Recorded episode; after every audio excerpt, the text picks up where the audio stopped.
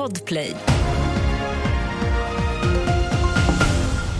En skottlossning har inträffat i området Skälltorp på Hisingen i Göteborg och en man har hittats med troliga skottskador i närheten.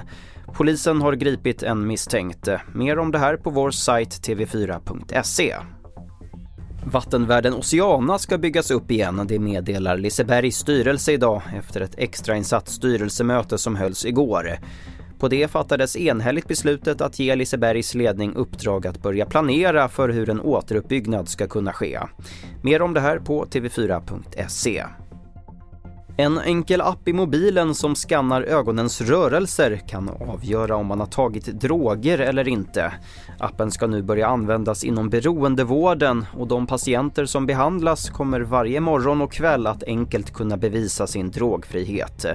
Pelle Lurelius är verksamhetschef på Sprutbytet i Uppsala.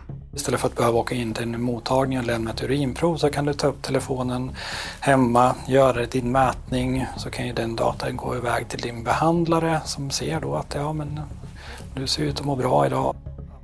Fler nyheter på tv4.se. Jag heter Albert Hjalmers.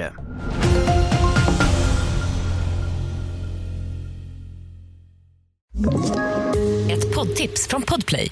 I podden Något Kaiko garanterar östgötarna Brutti och jag, Davva, dig en stor dos skratt. Där följer jag pladask för köttätandet igen. Man är lite som en jävla vampyr. Man har fått lite blodsmak och då måste man ha mer. Udda spaningar, fängslande anekdoter och en och annan arg rant. Jag måste ha mitt kaffe på morgonen för annars är jag ingen trevlig människa. Då är du ingen trevlig människa, punkt. Något Kaiko, hör du på Podplay. Därför arkadeinerna.